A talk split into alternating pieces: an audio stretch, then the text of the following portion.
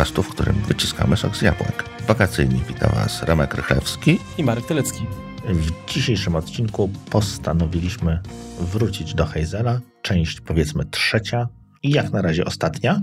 Przy czym nie zamykamy tematu, natomiast no, tak jak w poprzednim odcinku wspominaliśmy, czekamy teraz na jakiś odzew od Was i jeżeli to pociągniecie dalej, zadacie jakieś ciekawe tematy Markowi, to, to będziemy wracać do Hazela.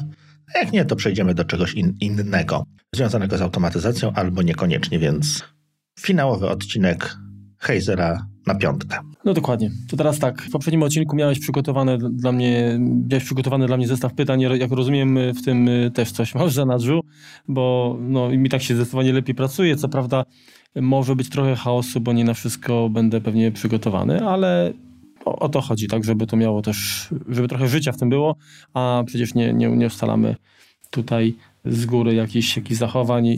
Często nawet y, fajne rzeczy po prostu wychodzą przy okazji, także niech tak będzie. To Dobra, pierwsze pytanie. Mamy teraz, rozpoczął się sezon letni, czyli taki sezon powiedzmy betowy.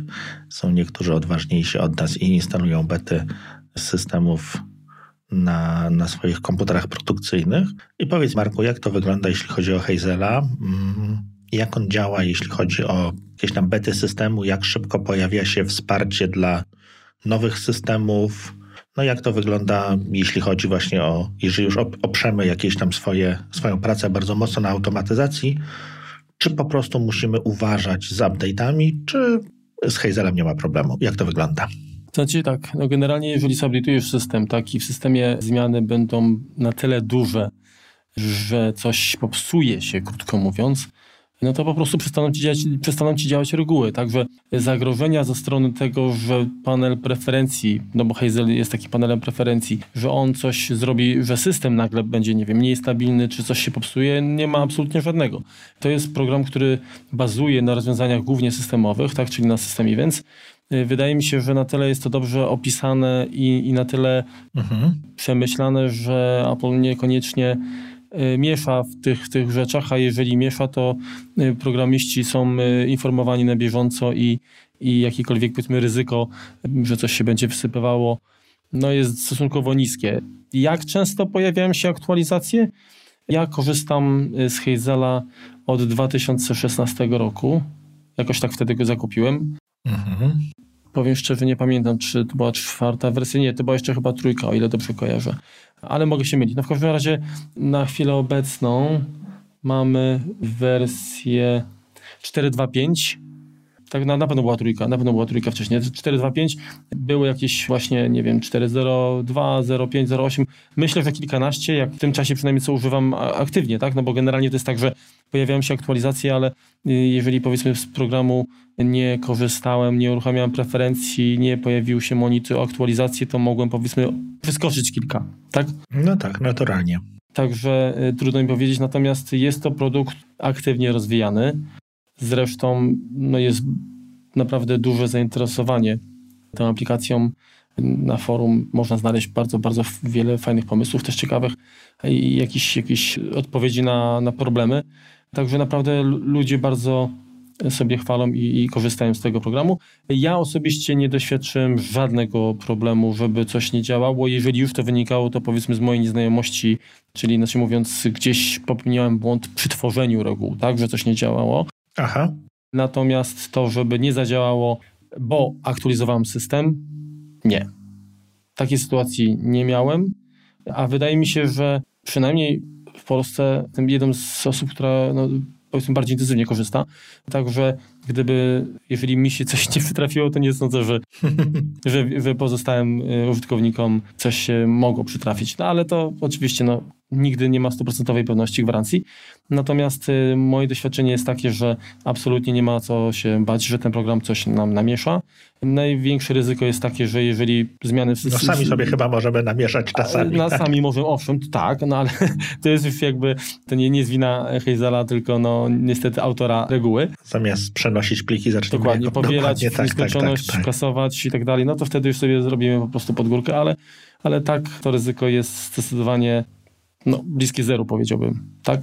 Mhm. Przynajmniej jeżeli chodzi o, o samą e, konfigurację, tak, czyli, czyli system i, i, aplikacja, a naprawdę te uaktualnienia się pojawiają, także w razie gdyby coś się działo, czyli tam, nie wiem, nie działają jakieś tam reguły, przestają, przestawają działać, robimy jakieś testy, okazuje się, że w innych przypadkach też nie działa, to pozostaje po prostu zgłosić autorowi. Mhm. No tam widziałem, dość prężnie jest strona rozwija się, tam jest du duże forum właściwie takie mhm. maniaków i no jest to aktywne. Widać, widać, że nie tylko jest to powiedzmy jakiś tam user input, natomiast e, deweloper również pojawia się tam no i jakby wyjaśnia, tłumaczy, czy, czy, czy pewne rzeczy poprawia. No jest otwarty. Mhm, dokładnie. I, I to jak tak jak w przypadku innych programów często słyszymy, że nie no fajny program, fajny, ale deweloper kurczę, jak bot się zachowuje, zero, zero informacji, zero odzewu, to tutaj autor no, jest bardzo przyjazny, pomocny i, i, i się uaktywnia no, bardzo często. Praktycznie y, chyba w każdym wątku, jak tam gdzieś szukałem, to, to, mhm. to, to, widziałem, że po prostu zabierał głos. Potwierdzam, y, przynajmniej, tak. przynajmniej tam, gdzie no, ewidentnie mógł się swoją wiedzą podzielić. Także na ile jest bezpieczny, moim zdaniem ja mogę śmiało powiedzieć, że na 100%. Jeśli chodzi o nowe wersje Marku, to jest jakby dodatkowa jakaś funkcjonalność, to są jakieś poprawki związane, nie wiem, ze zmianami systemu, czy, czy jakimiś poprawki generalnie błędów? Oj, wiesz co, kurczę, powiem Ci szczerze, że teraz to mnie trochę tutaj zastrzeliłeś, bo rzeczywiście tam na początku, jak, no, jak, jak się pojawia informacja mhm. o zmianach, no to tam rzeczywiście coś jest, natomiast powiem szczerze, że mm, jak i tak mam, wiesz, i tak mam tą aplikację, tak niespecjalnie wnikam. Najczęściej to są jakieś poprawki błędów. Oczywiście przy na przykład zmianie z wersji trzeciej na czwartą, tam tych dodatkowych opcji było mnóstwo, także mhm. praktycznie zmieniła się jakby, może nie tyle filozofia, ale, ale dużo, dużo ułatwień było, także od momentu zakupu nie, nie było czegoś takiego, że musiałem płacić kolejny raz właśnie za jakąś aktualizację. Wszystko, wszystko było do tej pory przynajmniej w cenie. Także, także no to jest naprawdę duży plus. A ze zmian takich, czy, czy, czy jakieś dostrzegłem, czy jakieś. Y, mm, powiem szczerze, że trudno mi powiedzieć, bo siadam po prostu do jakiegoś problemu, y, walczę, aż go rozwiążę, tak? A się nie zastanawiam, czy ta opcja na przykład była dostępna w wersji 3, tam X, czy nie było jej. Jasne. E, w związku z czym pewnie przy innym problemie siądę, będzie wersja już, nie wiem, Hazel 5 i coś, coś zostanie dodane i ja nawet sobie, znaczy w momencie, kiedy ja to zainstaluję, to nawet e, czytanie o tym niespecjalnie może mi wiele mówić. Natomiast w momencie, kiedy usiądę do próby mm, rozwiązania właśnie jakiejś automatyzacji i znajdę tę opcję i, i się okaże, że to ona właściwie mi tutaj umożliwia, no to po prostu będzie, no. Spoko. Teraz tak. Powiedz mi, w jaki sposób można migrować czy synchronizować reguły, tak? No jeżeli mam, pracuję na laptopie, natomiast mam jakiś drugi komputer, na przykład stacjonarny, to czy mogę jakoś sobie łatwo te reguły, które stworzyłem na jednym komputerze, przenieść na drugi? Tak, takie możliwości są. Znaczy generalnie jakby mm, opcje są dwie. Powiedzmy, jeżeli stworzę regułę jakąś i chcę tę regułę na przykład dać tobie, żebyś to użył na swoim komputerze, mhm. no to wiadomo, że nie ma sensu synchronizować, bo po pierwsze twój komputer to nie jest mój komputer, po drugie pewnie o ile powiedzmy posiadając dwa komputery, to ja raczej będę starał się mm, tworzyć środowisko spójne, czyli będę miał podobne nazwy folderów, lokalizacji i tak dalej, czyli ta synchronizacja będzie miała dużo większy sens. Natomiast w tym rozwiązaniu, o którym ja mówię teraz, no to, to niespecjalnie, tak? Czyli co można zrobić w najprostszym przypadku, to jeżeli masz uruchomionego Hazela, tak. Mhm. I po lewej stronie mamy okienko folders, tak? Y, katalogi. Mhm. Masz tam jakieś już dodane? Mam. Mhm. I teraz prawym przyciskiem, jak naciśniesz na, na przykład na, na jednym z tych folderów, tak? Mhm. No to mamy opcję pokaż w Finderze, tak? Mamy opcję importuj reguły. Tak. Następna jest opcja eksport i wtedy na nazwa tego folderu, tak? Mhm eksportuj reguły, które masz wpisane tym, przy tym folderze, Aha. albo eksportuj wszystkie reguły, tak? No i również załaduj mm, przykładowe jakieś. Także mhm, mhm. jeżeli powiedzmy stworzę, mam katalog, tam wyzwanie Remka i do niego, do niego będę tworzył jakieś reguły, które chcę tobie dać, mhm. no to wtedy prawym przyciskiem na tym folderze albo no, prawym przyciskiem, albo po prostu na dole jeszcze jest taka ikonka koła kółka zębatego, i w tym momencie no, y, zaznaczony folder tam wybieram opcję właśnie eksport i wiem, wyzwanie remek, e, rules, tak, i, i te wszystkie reguły, które dla danego folderu utworzyłem, mhm czyli właśnie dla tego y, wyzwanie rem, y, remek, czy wyzwanie remka, to w dowolnej lokalizacji mogę zapisać. Tak, czyli nie wiem, jako załącznik mailem ci wysyłam, później ty no, folder, który chcesz obserwować, do niego możesz zaimportować taką regułę i to możesz zrobić albo prawym przyciskiem i import rules, mhm. albo po prostu drag and drop. Przerzucić regułę. Mhm. Albo nawet przerzucić, albo kliknąć dwa razy ten plik, on ma rozszerzenie Hazel Rules, mhm czyli tam jest nazwa folderu, tak? Kropka Hazel Rules. Jak dwa razy klikniesz, to w tym momencie pojawi się mm, taki monit, do którego z folderów na twojej liście mają te reguły zostać zaimportowane.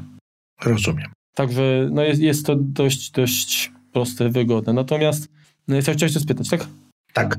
Też widzę tutaj sync options, czyli rozumiem, że możemy sobie założyć jakiś plik na jakimś Dropboxie czy czymś takim i w tym momencie te reguły nam się będą synchronizowały pomiędzy komputerami.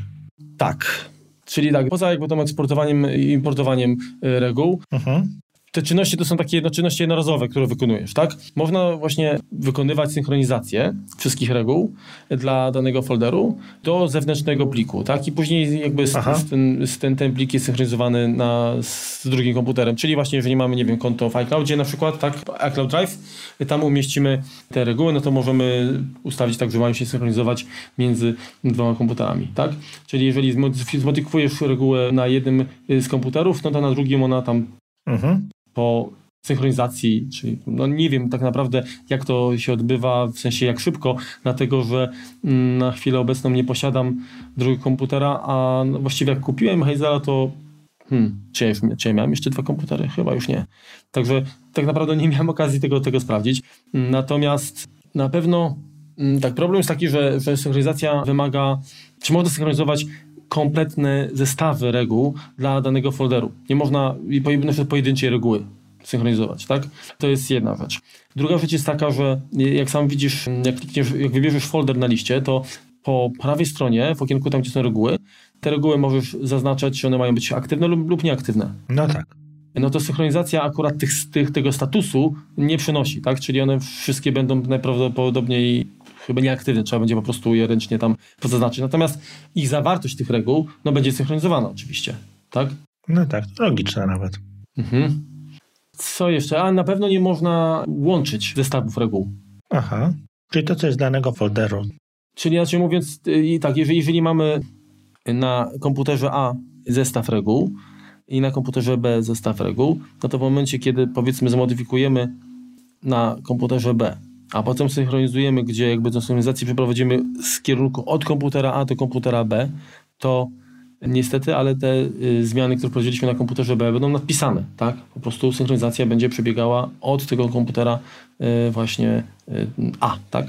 Mhm. Także no, to trzeba jakby o tym pamiętać. Dobra.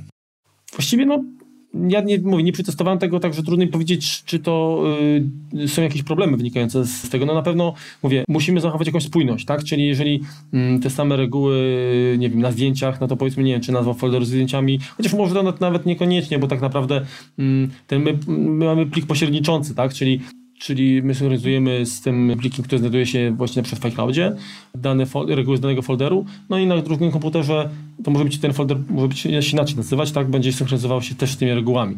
Także, także to powinno mimo wszystko tam bez problemu działać. Na pewno można wykorzystywać Dropbox, na pewno można wykorzystywać właśnie dysk sieciowy iCloud, czy jakikolwiek właściwie, nie wiem, NAS chyba też. Także no to nie wiem, to, to jest tyle, co wiem o odnośnie synchronizacji tych reguł w Hazelu.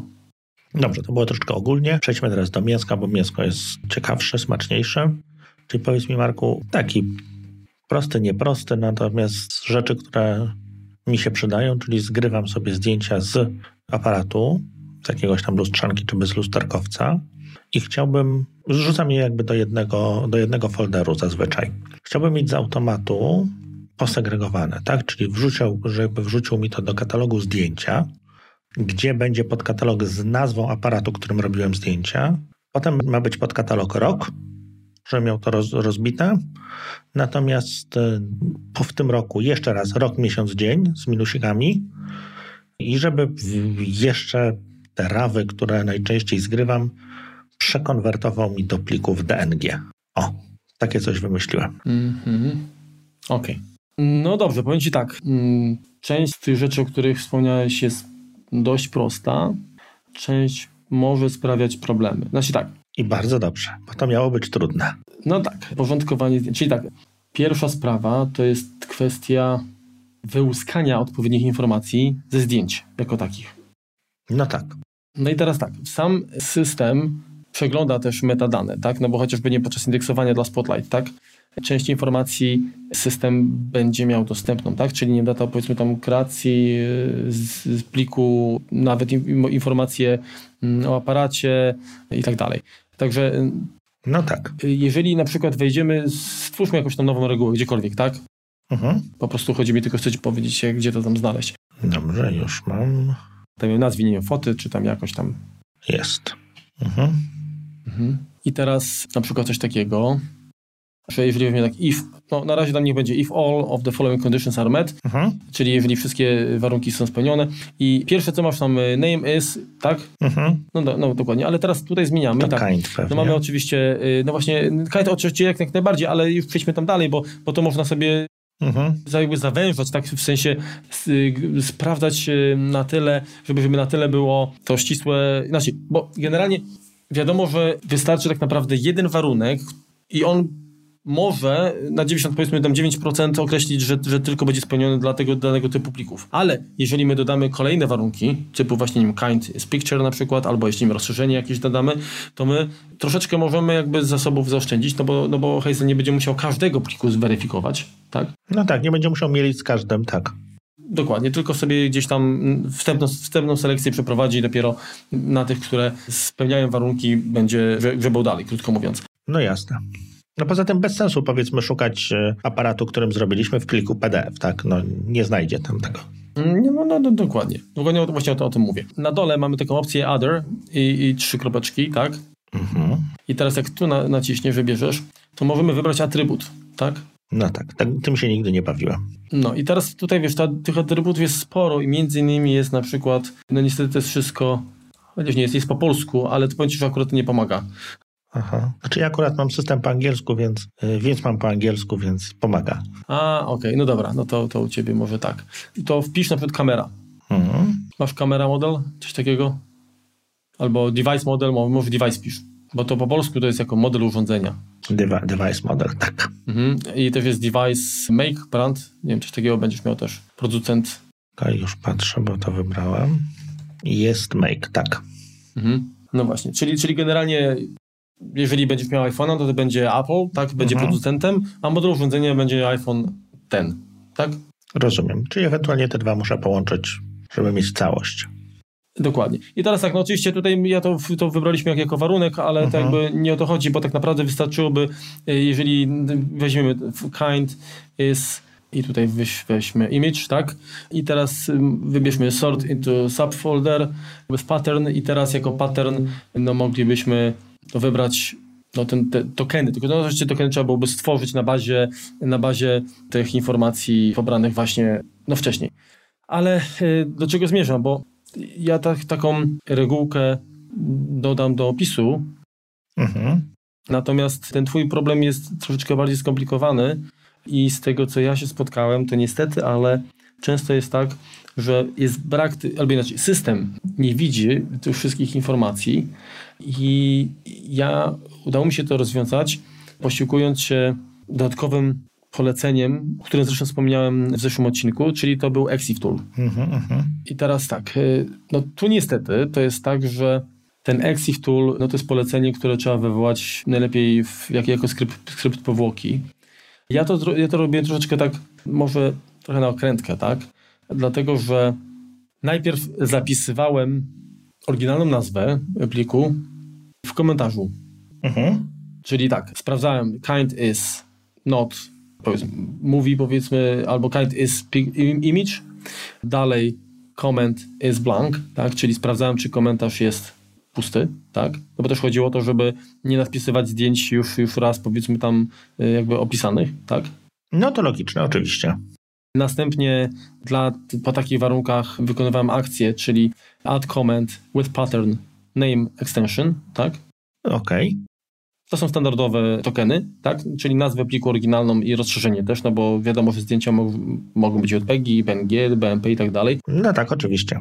No wiadomo, że gdybyśmy mm, tylko nazwę zachowali, to później byłoby ciężko tworzyć, tak? Bo w kolejnym jakby kroku my tą nazwę będziemy modyfikować niestety. Także to jest jakby jedna reguła.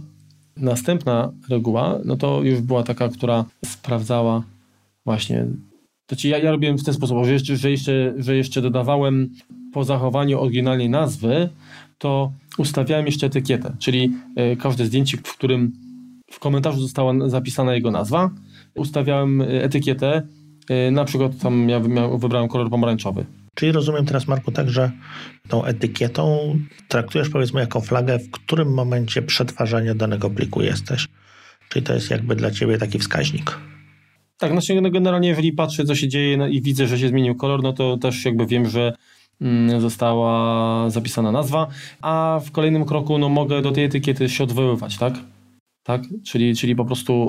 No tak, a przy okazji jeszcze widzisz, co się dzieje, jak, no bo te kolorki ci... Mhm, dokładnie skaczowiec to jest fajne, bo od razu masz jakby debug, taki prosty, po prostu, ale debug. Mhm. Czyli no na początku oczywiście muszę też dodać jakby etykietę, tak że, że sprawdzę, czy, czy, czy etykieta nie jest właśnie taka, jaką chcę nadać, żeby już jakby wykluczyć powtórkę, a następnie ją po, po dodaniu nazwy do komentarzu, y, w komentarzu nadaję. Kolejna rzecz, no to, to właśnie uruchomienie skryptu. No i teraz tutaj też określam rodzaj pliku, określam, że tym razem właśnie chcę y, wykonać operację na plikach, które są obrazami i które mają już etykietę, czyli na przykład kolor pomarańczowy. I teraz tak, można, było, można od razu tak naprawdę uruchomić skrypt, czyli run shell script embedded, czyli taki wbudowany skrypt, no bo to możemy jakby pliki wykonywalne, czyli, czyli które mają, które mają mm, tą flagę executable ustawioną wskazywać jako, jako zewnętrzne, ale ja najczęściej po prostu wprowadzam te skrypty, piszę bezpośrednio w Excelu, między innymi po to, żeby one tam były zawsze zachowane, tak? Jako, jeżeli to są jakieś osobne pliki, to często mógłbym po prostu skupić, a ja niestety jestem trochę taki e, rozczepany, więc tak jest mi po prostu wygodniej. No i w tym skrypcie narzędzie Exif Tool, co robi? No sprawdza, e, jakie tagi czy generalnie są w ogóle dostępne czyli czy to jest data kreacji, czy data i czas oryginalny, czy data zmiany pliku, czy data znacznika GPS, czy data utworzenia jakby, mm, tak trudno powiedzieć, bo to są, inaczej, może przeczytam po angielsku, tak? Y, może być create, create date, date time, original, file modified, modify date, GPS date time, media create date, i modify date. To są właściwie wszystkie elementy, no bo, bo może się zdarzyć, że niestety których z nich nie będzie. No to ustalamy jakby kolejność, który jest dla nas najważniejszy. No i w tym momencie, jeżeli tego nie ma, no to bierzemy, pobieramy informacje z tego mniej ważnego. No i oczywiście też są y, zapisane informacje właśnie make y, i model odnośnie um, urządzeń, którymi zdjęcie było robione. I po prostu ta informacja y, jest zapisywana teraz w nazwie pliku. Czyli tak, jeżeli mamy zdjęcie na przykład DSC00256. Nie wiem, niech to będzie RAW, tak? Mhm. Albo PNG, no cokolwiek, to teraz to ono będzie się nazywało data, czyli to będzie powiedzmy 2018 06 12 później nie, może być na przykład spacja, tak, Apple, myślnik, iPhone X, tak, czy iPhone X. Mhm taka, taka, w tym momencie taka jest nazwa. Tak, nie mamy rozszerzenia teraz. Dlatego i, i po to jakby zapisywałem to rozszerzenie wcześniej w komentarzu, tak? No tak, żeby to nie zginęło, jasne. Żeby to nie zginęło. No i to jest jakby kolejna reguła. Yy, następna, teraz tak, zobacz, jak ta nazwa pliku teraz, tak jak mówiłem, to jest, to jest, to jest data. Mhm. To mówię, to może być data powiedzmy w pełni, może być data z, z podkreśnikami, z myślnikami, tak? No tak, tak, tak, oczywiście czyli rok, e, myślnik, miesiąc, myślnik, dzień, spacja, mhm. producent, spacja, bądźmy myślnik i model, tak? Mhm. I teraz, czyli znaczy ten, ten, ten myślnik, jak dodamy, to on jest jakby też istotny, bo teraz tak, w kolejnej regule sprawdzamy, czy plik w obserwowanym katalogu, czy jego nazwa, czy, czy name matches, czyli czy nazwa jest dopasowana do wzorca i tym, ten wzorzec znowu będzie się składał z naszych custom tokenów, tak? I teraz... Czyli to podobnie tak jak w przypadku tego PDF-a. Do, dokładnie, dokładnie. I teraz tak, uh-huh. y, nazwiemy, stworzymy sobie y, custom token, na przykład y, data z EXIF, uh-huh. no i tam określimy, tak? Jak, jak to miało wyglądać, tak? Czyli na przykład będzie to, to właśnie 2018, myślnik 06, myślnik 12. Jeżeli był czas, no bo uh-huh. to też można zapisać, no to dodamy jako kolejny token, tak? Czyli czas EXIF. Tak.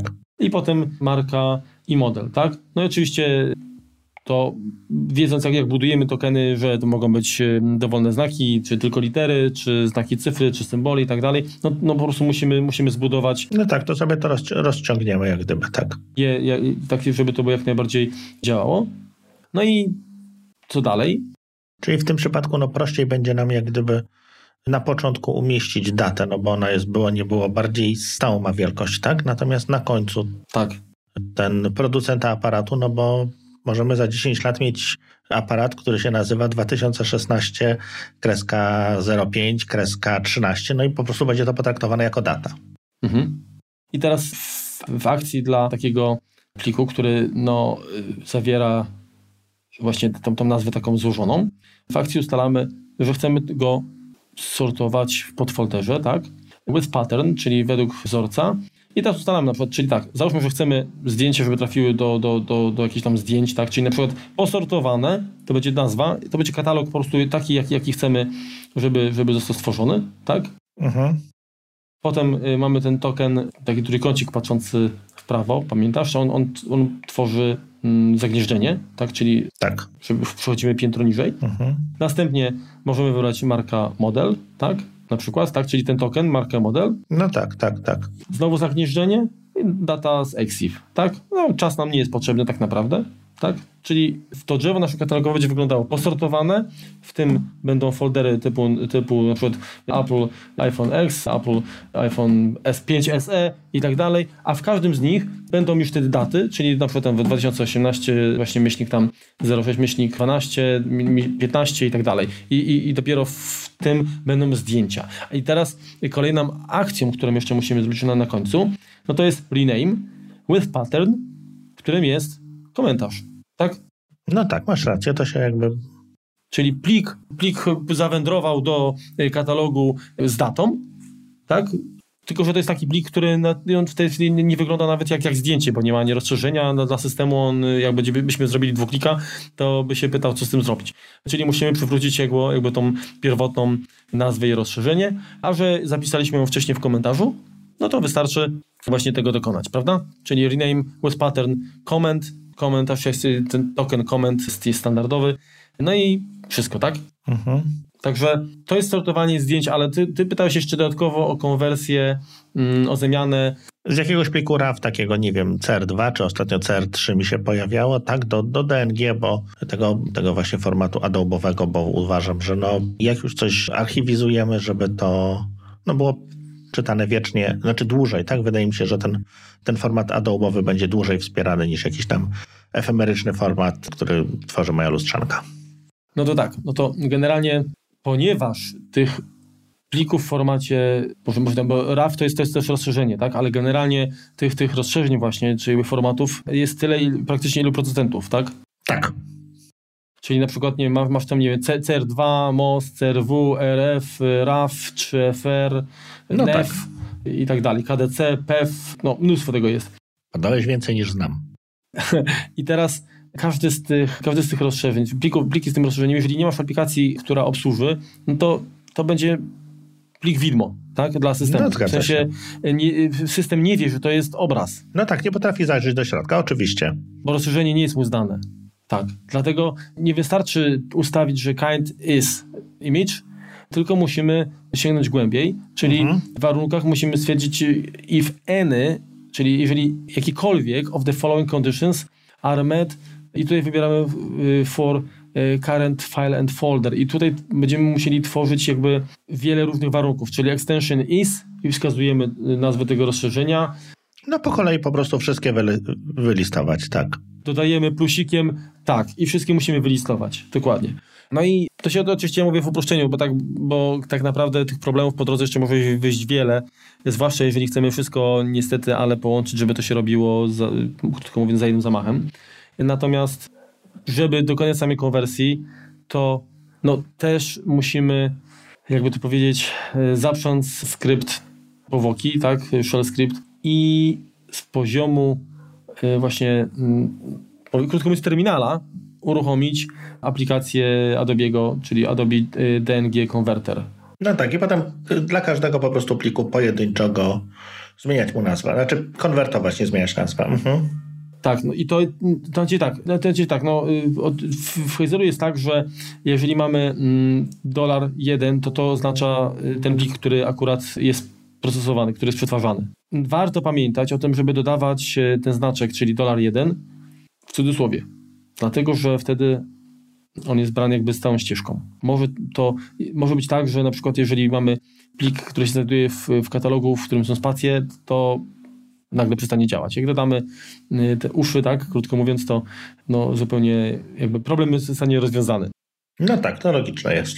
Czyli w moim przypadku, ja to uruchamiałem, to, to wyglądało tak, że skrypt był no, stosunkowo krótki, tak? Open, spacja, później był przełącznik y, minus A, czyli nie wiem, chyba aplikacja, tak? I potem ścieżka do aplikacji, czyli w uszach Applications, y, Adobe y, DNG Converter App, łamany przez Contents, macOS, y, Adobe DNG Converter, tak? No bo to jest jakby ten plik wykonywalny. Następnie jako argumenty było, czyli myślnik, myślnik args, spacja, myślnik C, no i później już odwołanie właśnie do tego pliku. Także, także to praktycznie wszystko. No, oczywiście warto jeszcze dodać opóźnienie, czyli taką, taki parametr sleep, ja dodawałem tam 3 chyba sekundy, dlatego że no niestety to jest tak, że jakbyśmy uruchomili jakby ta e, aplikacja, ten konwerter DRG był jako, jako polecenie terminalowe, to by problemu nie było. Natomiast jeżeli, ponieważ to jest aplikacja, która po prostu uruchamia się z całym interfejsem graficznym, po prostu w Finderze, tak? Aha. Za każdym razem, to mogłoby się zdarzyć tak, że niestety, ale coś się wydarzy za szybko i pewien plik na przykład nie zdąży się zrobić. Tutaj po prostu... Znaczy po no, prostu nim aplikacja się zamknie, będziesz próbował wywołać jeszcze raz jakimiś innymi parametrami i pewnie dokładnie. to może być... Tak. Także, także warto, warto po prostu taki parametr właśnie sleep y, dodawać. Ja zresztą podobny problem miałem y, w przypadku PDF Pena, jak chciałem, y, żeby on dodawał tą warstwę OCR-u. To też musiałem tam spowolnić niestety, bo jak było za szybko, to po prostu przeskakiwało, tak, krótko mówiąc. No także...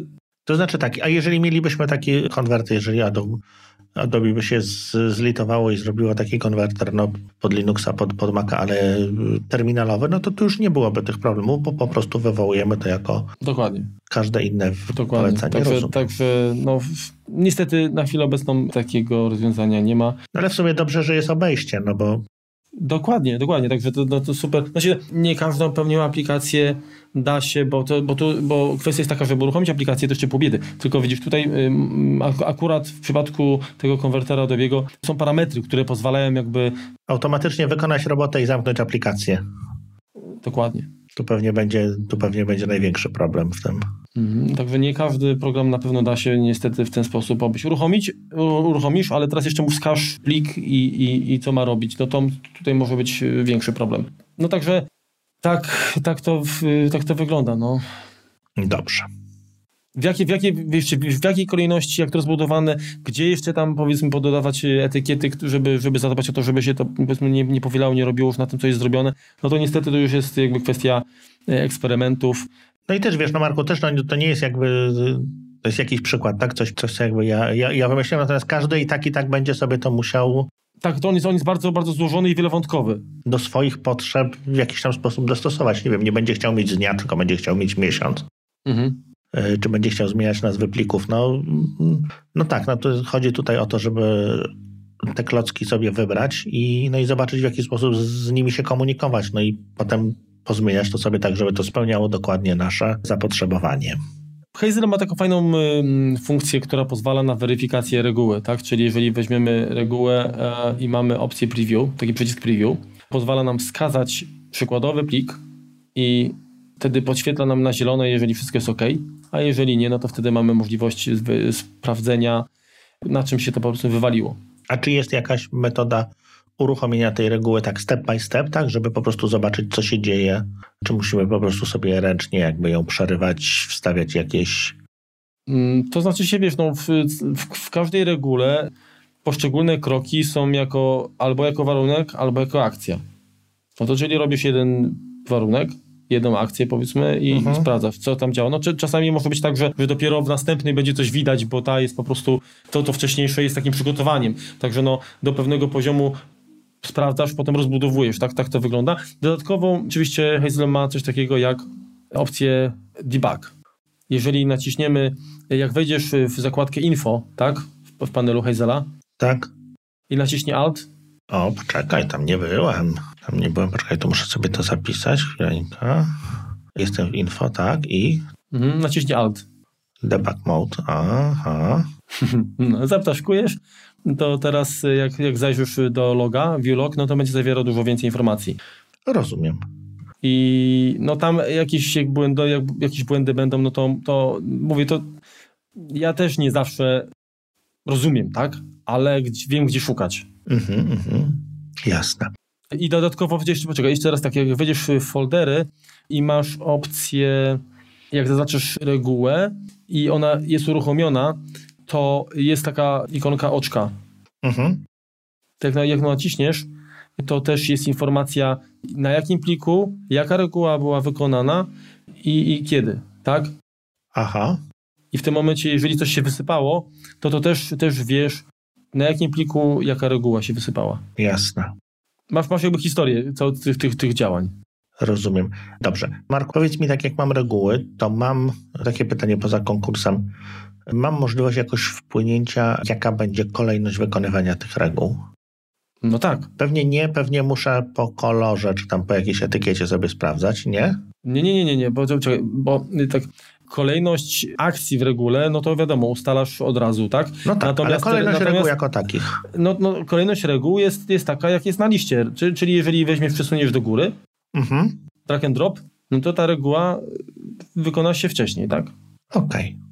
Dodatkowo... Bałem się, wiesz, że one się wszystkie naraz zaczną wykonywać. Nie, nie, nie, nie, nie. To, to jest tak, że one idą jakby od, od, od pierwszej od góry no w dół. Mhm. Dodatkowo jest tak, że niektóre reguły mogą po prostu się zatrzymać i w tym momencie masz coś takiego jak w akcji musisz dodać continue matching rules. Mhm. Jest taka opcja. Także, yy, bo może być tak, że się wykona coś jednorazowo, jest sukces pełen i koniec stoi, tak? Fajrant. I nie wiesz, co się dzieje. Fajrant. No to, no to trzeba, trzeba taki coś zrobić. Poza tym jeszcze jest opcja, jeżeli chcemy, żeby to jest bardzo istotne. Jeżeli chcemy, żeby reguły działały też na podfolderach, mhm. Bo, bo standardowo Hazel nie zagląda głębiej. No oczywiście, no bo po co? Obciążać system. Mhm, dokładnie. No to standardowo jest tak, że Hazel niestety y, nie, nie szuka po, po podkatalogach i trzeba mu pomóc. Jedną z no się tak, czy, czy, ta, czy ta reguła powinna być jako pierwsza, to zależy. To jest kwestia eksperymentów. Czasami zauważyłem, że, że nie ma sensu jej dawać na początku. Natomiast na, jak, jak ta reguła wygląda? E, warunek jest tak. If all of the following conditions are met, czyli jeżeli wszystkie warunki są spełnione, mhm. a tych warunków wszystkich jest jeden, e, czyli kind is folder, tak, czyli jeżeli rodzajem danego obiektu jest, jest katalog, to co robimy? Jeden, jedna jedyna akcja, run rules on folder contents. Sprytne. Wszystko. Także to jest reguła pomocnicza, którą ja no, wielokrotnie stosuję w, w różnych właśnie takich bardziej złożonych akcjach, gdzie mam potrzebę pogrzebania głębiej. Czyli w tym momencie stworzyłeś sobie jedną regułę i sobie po prostu do każdego folderu, który, w którym potrzebujesz tak. wykonać tak. reguły na podfolderach, po prostu ją sobie przenosisz i, i jesteś zadowolony. Dokładnie tak. Mhm. Zresztą nawet y, jak masz foldery tutaj na, w oknie po, po lewej stronie i masz jakąkolwiek regułę, na, tak, wchodzisz do jednego folderu, wybierasz regułę, drag and drop może się skopiować automatycznie do, do kolejnego folderu. Także to działa po prostu tak automagicznie, naprawdę super. Nie ma, nie ma z tym... Automagicznie.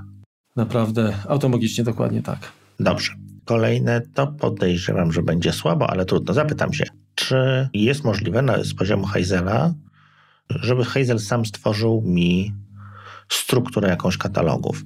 Jak to wygląda? No, mam mm, jakiś projekt e, od klienta i tak naprawdę podaję tylko nazwę tego projektu, natomiast w środku chciałbym mieć stworzone jakieś foldery, które są mi potrzebne, tak? Że to jest oferta, propozycja, akceptacja, finalizacja, jakieś tego typu rzeczy. Hmm. To chyba nie pod Hazela jednak. To znaczy tak, mm, jeżeli chcesz foldery na tym samym poziomie... No to różnie tak naprawdę, no część... No tak, ale, no, bo, bo, ale poczekaj, jeżeli, jeżeli mamy być na tym samym poziomie, to w zasadzie no myślę, że dałoby się to zrobić, ale powiem szczerze, że to lepiej za, zaprząc do tego automatora. Robisz workflow, workflow automatora i, i, już. No bo jeżeli, jeżeli powiedzmy masz, e, tak jak ty nazwałeś tutaj, masz materiały tak, źródłowe, robocze, do akceptacji, poprawki i tak dalej. No to generalnie, czyli tak, mamy różnych klientów, ale mamy foldery o tych samych nazwach, no bo tak jakiś porządek musi być. No tak. No to workflow, który w automatorze, który tworzy takie foldery, cztery, czy tam pięć, czy, czy ile byś chciał uh-huh. na jednym poziomie, no to robisz tam w pół minuty i po prostu w Hazelu można, można po prostu wywołać ten workflow. Tak? Czyli nie wiem, wrzucasz powiedzmy, zakładasz nowy folder klienta, to jeżeli wykryty jest nowy folder, tak z, z nazwą klienta, uh-huh. no to w środku ma właśnie ma się uruchomić y, ten workflow automatora. No tak strzelam teraz, bo to mówię, trzeba było przećwiczyć, ale, ale da się to zrobić. Także, że do tego folderu, y, z, który utworzyłeś teraz, żeby z automatu y, no, tworzyły się podkatalogi. No tak, no bo tak, bo mam powiedzmy katalog projekty, jeżeli w tym katalogu projekty zrobię pod katalog projekt dla pana Zdzisia, mhm. to automatycznie on może się wywołać i, no i zapełnić mi tymi moimi powiedzmy katalogami, także mógł, mógł już tutaj wrzucać jakieś konkretne pliki do, do tego projektu. Dokładnie. Natomiast ja z Tobą może zrobię taki inny przykład, który też jest dość ciekawy. Stwórzmy nową regułę. Tak? Czyli na, na, na tym folderze, gdzie tam masz, stwórzmy nową regułę. Mhm. Nazwij ją, nie wiem, tam tworzenie katalogów zagnieżdżonych. Tak, żeby było wiadomo o co chodzi. Ja zawsze opisuję. E, można, mm, teraz tak przy nazwie, jak można nazwę reguły, to po prawej stronie jeszcze jest taka ikonka mała Add note to your rule. I to jest taki, taki komentarz, który możesz po prostu zrobić tam opis tam mhm. nawet, tak, jest taką ściągawy i znaczy ja akurat z tego nie, nie, nie, korzystam, bo mniej więcej jak spojrzę na reguły, to wiem o co chodzi, ale y, jak ktoś dopiero wchodzi, to to niech sobie tam dopisuje, po co zrobił, dla, co, do, dla kogo i w ogóle, bo to jest nieocenione źródło później za, po miesiącu, kurczę, naprawdę się nie pamięta wiele rzeczy, nie? A nie ma sensu... Kom... No tak, a szczególnie, że my nie musimy być autorem tej reguły, no. Dokładnie. A kolejna sprawa jest taka, że no, jakby nie patrząc, y, nie ma sensu komplikować nazwy, tak? Mhm. Skoro ta informacja jest potrzebna pewnie tylko w konkretnym y, przypadku. Dobra, czyli mamy, mamy y, nazwę tworzenie katalogów zagnieżdżonych, tak? Mhm, tak. Ok. I teraz tak. Zrobimy to troszeczkę takim, takim jakby to powiedzieć, hakiem. Czyli załóżmy, że tworzymy dokument, i ten dokument będzie zawierał pewne informacje i my te informacje będziemy z niego y, wybierać i, i stworzymy drzewo katalogowe i już. Czyli tak, y, pierwszy warunek kind is text. No bo niech to będzie dokument tekstowy, tak? Mhm. Y, plusik dodajemy. Nazwa, no to powiedzmy dokument będzie się nazywał katalogi TXT. No to czyli sama nazwa wystarczy, no bo oczywiście rozszerzenie już, już w tym momencie nie jest, nie jest nam konieczne. Czyli name is katalogi. Tak. E, następnie contents, contain match, czyli zawartość mhm. zawiera dopasowanie. I tutaj teraz wpiszmy, no możemy stworzyć, tak, ten wzorzec. No tak. Tak? I teraz tak, mamy enter text and click drag elements to create a pattern. Mhm. No dobrze, czyli ustalamy, e, niech to będzie proste takie, czyli tam jeden dwukropek mhm. i teraz ten custom text tak? Czyli ten, ten token tak. własny taki będziemy stworzyć. Czyli tak, jeżeli ustaliliśmy ten jeden dwukropek, e, kliknęliśmy na e, custom text, no to teraz powiedzmy, ponieważ jakby mm, nazwa katalogu może być dowolna, tak? To wybierzmy characters. Mhm. A, a, a, teraz jest tak, już sam nazwa tego tokena, no to powiedzmy, usta, niech to będzie nazwa e, LVL1, level 1, tak? Okej. Okay. I teraz tak, istotne jeszcze jest to, Znaczy istotne, jak, jak istotne, to może w, na, w, naszym, w naszym przypadku nie jest istotne, ale, ale y, warto pamiętać, że mamy na dole coś takiego, jeszcze jesteśmy cały czas przy, przy, tym, przy tym wzorcu. Match i tu mamy opcję the first, second, third, fourth i tak dalej. Możecie sobie wybierać, które y, dopasowanie, tak, które, które wystąpienie. Kolejności, tak. I następnie mamy jeszcze from the beginning albo from, from the end, tak? W tym wypadku nam to się nie przyda, natomiast czasem może tak być. Jeżeli byśmy mieli na przykład tworzyli listę przyrostową, typu chcemy automatycznie robić sobie y, listę nie wiem, klientów, zleceń i tak dalej, tam mamy jakieś numery i, i tak dalej, no to wiadomo, że jak dodamy klienta, to go dodamy na końcu dokumentu. No to w tym momencie warto, żeby do dopasowania były szukane od dołu, tak? Czyli from the end. No, logiczne. Mhm. Także to tylko tak wspominam, że w tym wypadku akurat to nie ma znaczenia, bo my ten plik i tak później on nam zniknie, będziemy tworzyć kolejny y, do kolejnych folderów, jakby, ale, ale no warto o tym pamiętać. Y, czyli mamy stworzony tak, contents, contain match i mamy jed, jeden, dwukropek i token LVL1. Tak. No to zrób jeszcze tak samo dla y, level 2 i level 3, tak? No tam starczy tyle, tak? Mhm. Czyli contents match i, i tworzymy dwa, dwukropek, tak samo. Mhm. Level 2 y, i, i, dokładnie. Już klikam, klikam. No, gotowe. Mhm. OK. Teraz jako akcja, czyli do the following to the matched file or folder, wybieramy sort into subfolder with pattern i teraz przeciągamy nasze custom tokeny, czyli będzie level 1 Później mamy token mm, zagnieżdżenia, czyli ten trójkącik w prawo. Mhm. Level, level 2, zagnieżdżenie, level 3. Tak? Mhm. No tak. Ok, i teraz możesz, jeżeli ta reguła już tam działa, tak i w ogóle, no to stwórz w tym obserwowanym katalogu plik tekstowy o nazwie katalogi i w nim zapisz jeden dwukropek i na przykład tam jako, jakąś dowolną nazwę tego folderu, który ma być jako, jako, jako, jako pierwszy główny.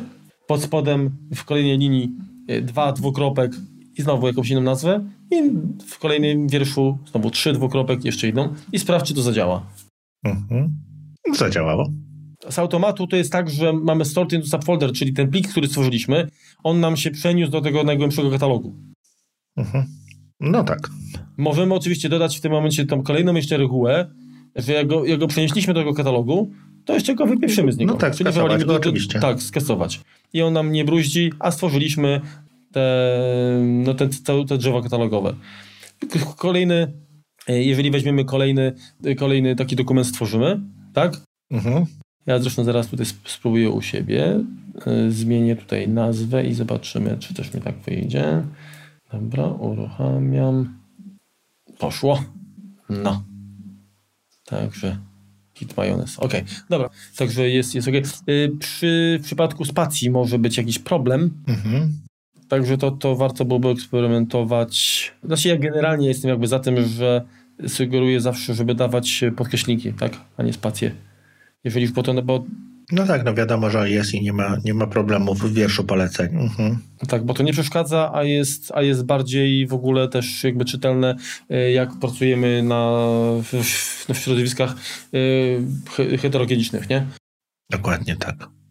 Także jakoś Później no, no dużo, dużo odpada, bo właśnie nie trzeba pamiętać o jakichś tam uszach i tak dalej. Pamię y, też jak, jak, jak ten, jak na przykład y, mamy w nazwie pliku, to czasami niektóre systemy wymagają, żeby w uszach, niektóre, żeby dawać y, backslash przed no, wyrazem tak, tak, drugim. Tak, tak. To lepiej dać pod, pod, podkreśnik i, i, i, i, mamy problem rozwiązany. Wtedy wiadomo od razu, dokładnie. Mhm. Okej. Okay. No dobra, także czy to jakby jest odpowiedź na, na twoje pytanie? Tak. To jest odpowiedź na moje pytanie i od razu, żebyś tutaj nie miał za lekko, przechodzę do następnego pytania.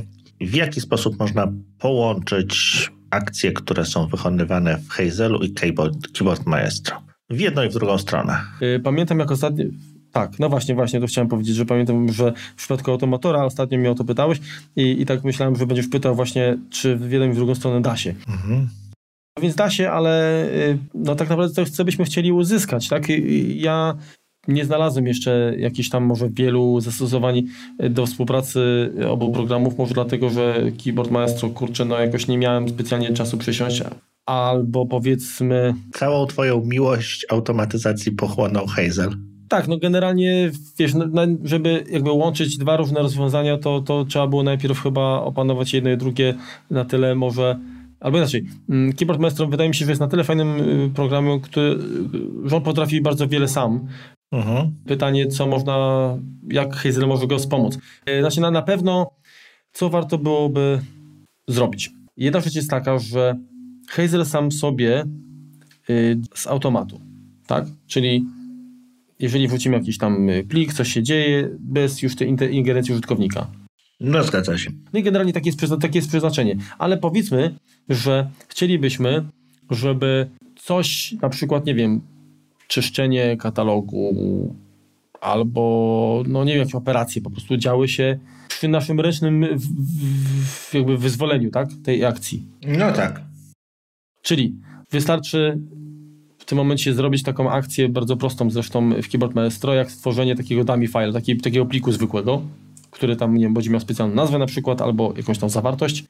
I to może, to może działać tak, że pod, podpinamy jakby pod taki skrypt, taki makro Keyboard Maestro, podpinamy skrót klawiaturowy.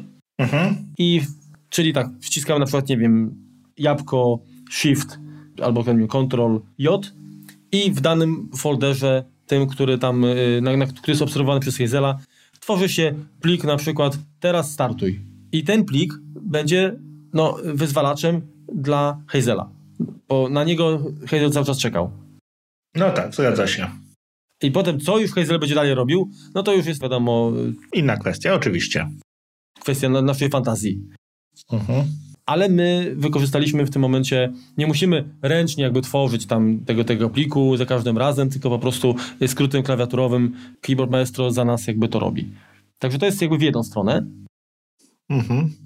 A w drugą stronę, no to rozwiązanie jest też dość, dość proste, ponieważ Keyboard Maestro korzysta z AppleScript. Mhm.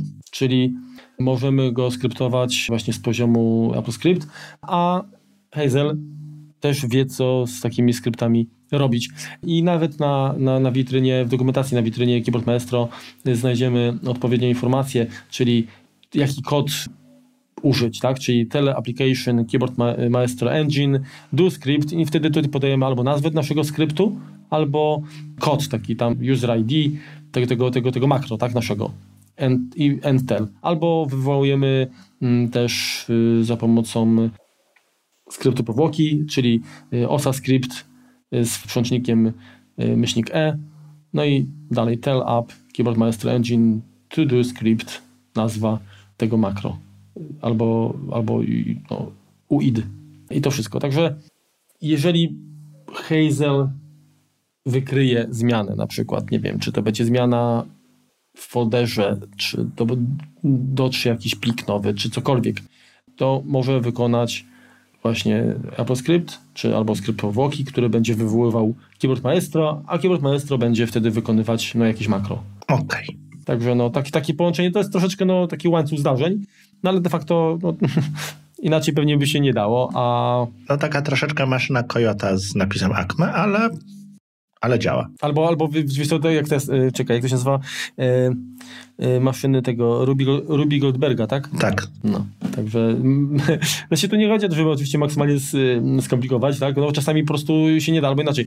Na tyle, jeżeli nie stworzyliśmy makro w Keyboard Maestro, który jest po prostu mega ekstra, super, no to teraz trzeba z niego zrezygnować albo próbować stworzyć to samo za pomocą, nie wiem, i, i, innych tam rzeczy. Także no, jeżeli taka opcja połączenia jest możliwa, no to warto skorzystać. Zgadza się. No to teraz takie coś mam nadzieję, że się nie uda zrobić. Próbuję cię zagiąć na koniec. Tak sobie wydumałem, że chciałbym mieć taki troszeczkę czasem zdalny dostęp do swojego komputera, ale taki dla, taki troszkę dla biedoty. Jak to widzę? Tworzę sobie jakiś plik, niech to będzie w jakimś iCloudzie, Dropboxie czy, czy, czy, czy czymkolwiek przy pomocy telefonu. No i ten, ten plik mi się synchronizuje z Maciem. Natomiast mhm. plik nam gdzieś nazywa na przykład komendy.txt i jeżeli w tym pliku coś się pojawi, tak, to chciałbym, żeby Hazel wykonał mi w terminalu to polecenie. Czyli na przykład, żeby była opcja taka, że wyświetla mi listę procesów, jakie aktualnie mi działają w systemie i wrzuca mi do, do, do pliku rezultat.txt, żebym mógł sobie to podejrzeć na, na tym samym właśnie telefonie z dowolnej aplikacji. Mhm. Da się. Och, kurczę. I to, to stosunkowo, stosunkowo prosty sposób. No i dokop jeszcze, no. No, nie, no spokojnie. Znaczy tak, obserwujemy katalog ty chciałeś na, na iCloudzie, czyli ten iCloud Drive, no to będzie tam mobile, tak naprawdę, mobile no. documents, tam, tam to trzeba po prostu ścieżkę, jejku, gdzie ta ścieżka jest tutaj na maczku. E, zaraz zobaczymy iCloud Drive. W library gdzieś tam siedzi. Mobile documents, dokładnie, czyli musimy iść w menu, z menu Findera, wciskamy w menu idź, chcę go, tak, wciskamy Alt i pojawia się library, czy biblioteka, a następnie folder Mobile Documents. Mhm szukamy i tam no, mamy już te katalogi nasze. Także do, czy na wierzchu puścimy, czy jakieś do innego, to jest, to, to jest tam pikuś, bo możemy sobie stworzyć własny przecież folder i ten folder będziemy obserwować w Hazelu. Tak? No tak. Jeżeli my stworzymy ten folder, to on automatycznie będzie widoczny też na iPhone'ie, tak? No bo tworzymy na Macu teraz. No oczywiście, tak. Mhm. Okej. Okay. No to teraz znów szukamy pliku tekstowego, czyli warunek if all of the following conditions are met, kind is text, name is i ty miałeś tą nazwę y, komendy, czy tam nie wiem, command. No coś takiego, tak. Mhm. Tak, txt. No to, no to, to command wpisujemy, tak? Tak. Mhm. Następnie to już jako akcję, czyli do the following y, to the matched file folder, run shell script. Mhm. Następnie mamy embedded script i ten skrypt będzie wyglądał w bardzo, bardzo prosty sposób. Bo teraz tak, moglibyśmy wskazać, zamiast embedded script, moglibyśmy wskazać other, czyli e, run shell script, other i teraz mm, poprowadzić, e, doprowadzić do tego katalogu mobile documents do pliku command czy komendy txt. Ale po pierwsze, ty chcesz go modyfikować, poza tym nie zawsze on powinien być tak naprawdę, no bo to teraz pytanie, y, znaczy oczywiście Phaseru możemy ustalić, y, czy co tam ma się dziać, czy ma się robić po tym, jak my, jak my go zmodyfikujemy, czy ma się dziać w momencie, kiedy się taki plik pojawi. Jeżeli, jeżeli to drugie, no to niestety nie będziemy w stanie go wskazać jako skrypt do wykonania. To po pierwsze. Po drugie, pracujemy na plikach tekstowych. Żeby uruchomić w Hazeru skrypt zewnętrzny, to musi on być zapisany jako, no jako skrypt, czyli musi mieć tą flagę X dodaną. Czyli tu, tu też trzeba byłoby najpierw jakąś operację, która nadaje. Atrybut zmienić. Mhm. Uprawnienia, tak? Czy, czy atrybuty dokładnie. No i to, to bez sensu taka zabawa. Natomiast mm, jest rozwiązanie inne, które się nazywa. E, jest to, jest to polecenie source. To jest, to jest chyba w ogóle baszowe, to, to jakaś, jakaś taka, taka, taka komenda. Y, to nie jest w ogóle tam standard zgodny z POSIXem, ale, ale na szczęście on funkcjonuje chyba, no nie wiem czy wszędzie, ale na wielu różnych tam platformach, dystrybucjach i tak dalej. Czyli wpisujemy jako ten skrypt, embedded script, wpisujemy source, mhm. spacja i w uszach, w cudzysłowie, dolar jeden, tak? I teraz co to daje? Source powoduje, że e, w pliku tekstowym wszystkie komendy, które są zapisane, znaczy problem jest taki, że te komendy muszą być wszystkie mm, zapisywane w osobnych wierszach, czyli komenda jakieś tam z parametrami Enter, komenda z parametrami Enter. To po kolei od góry są wykonywane.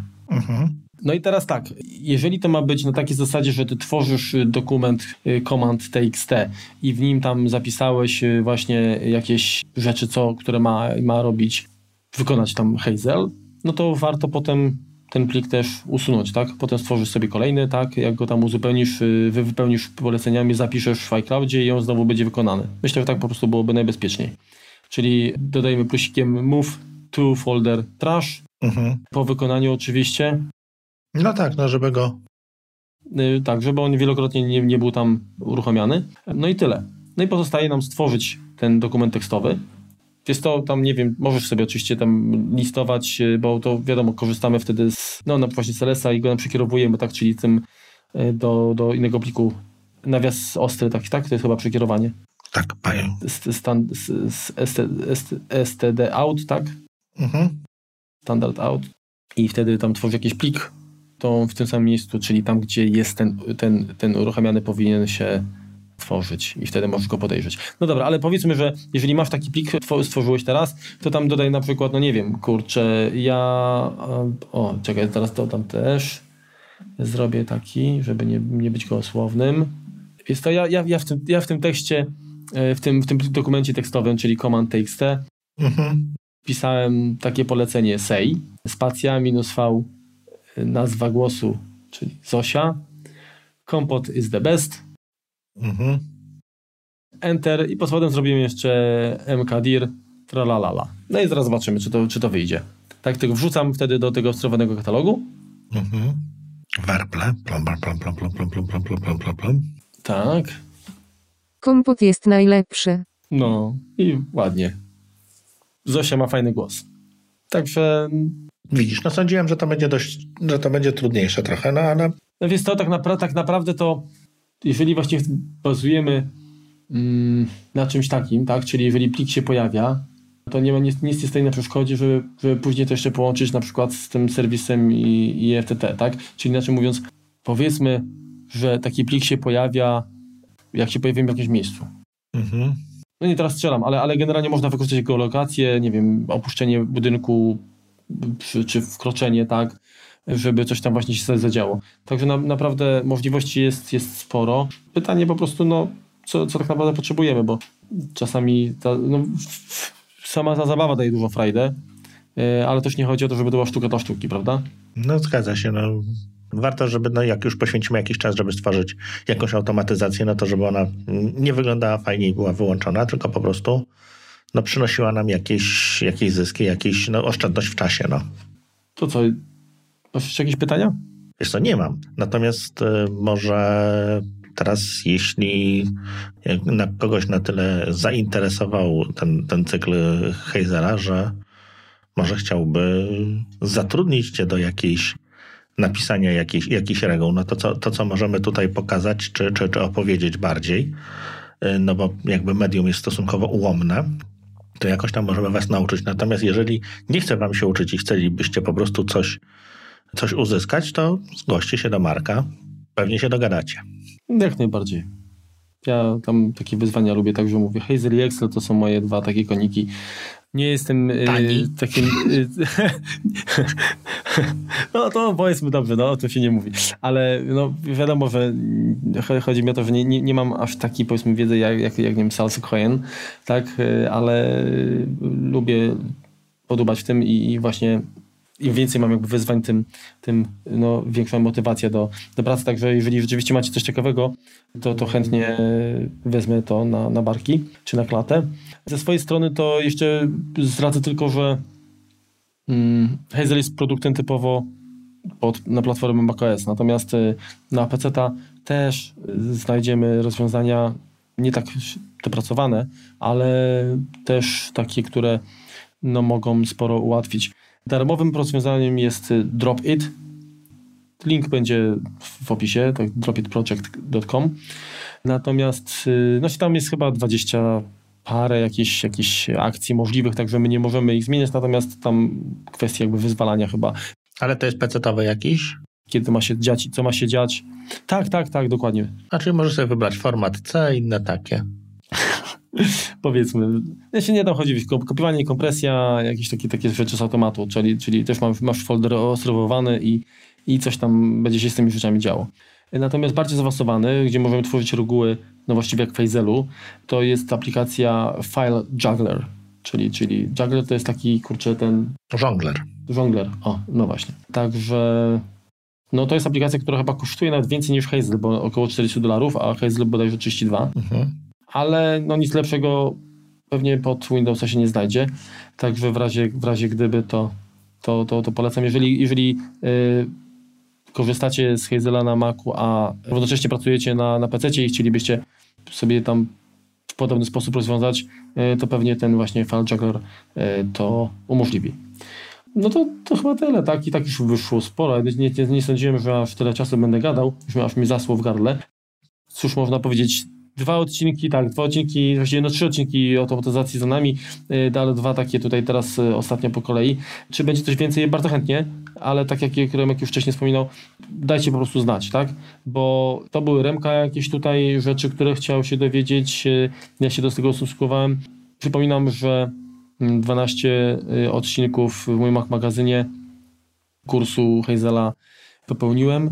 E, jest, myślę, to dość solidny e, zasób e, wiedzy.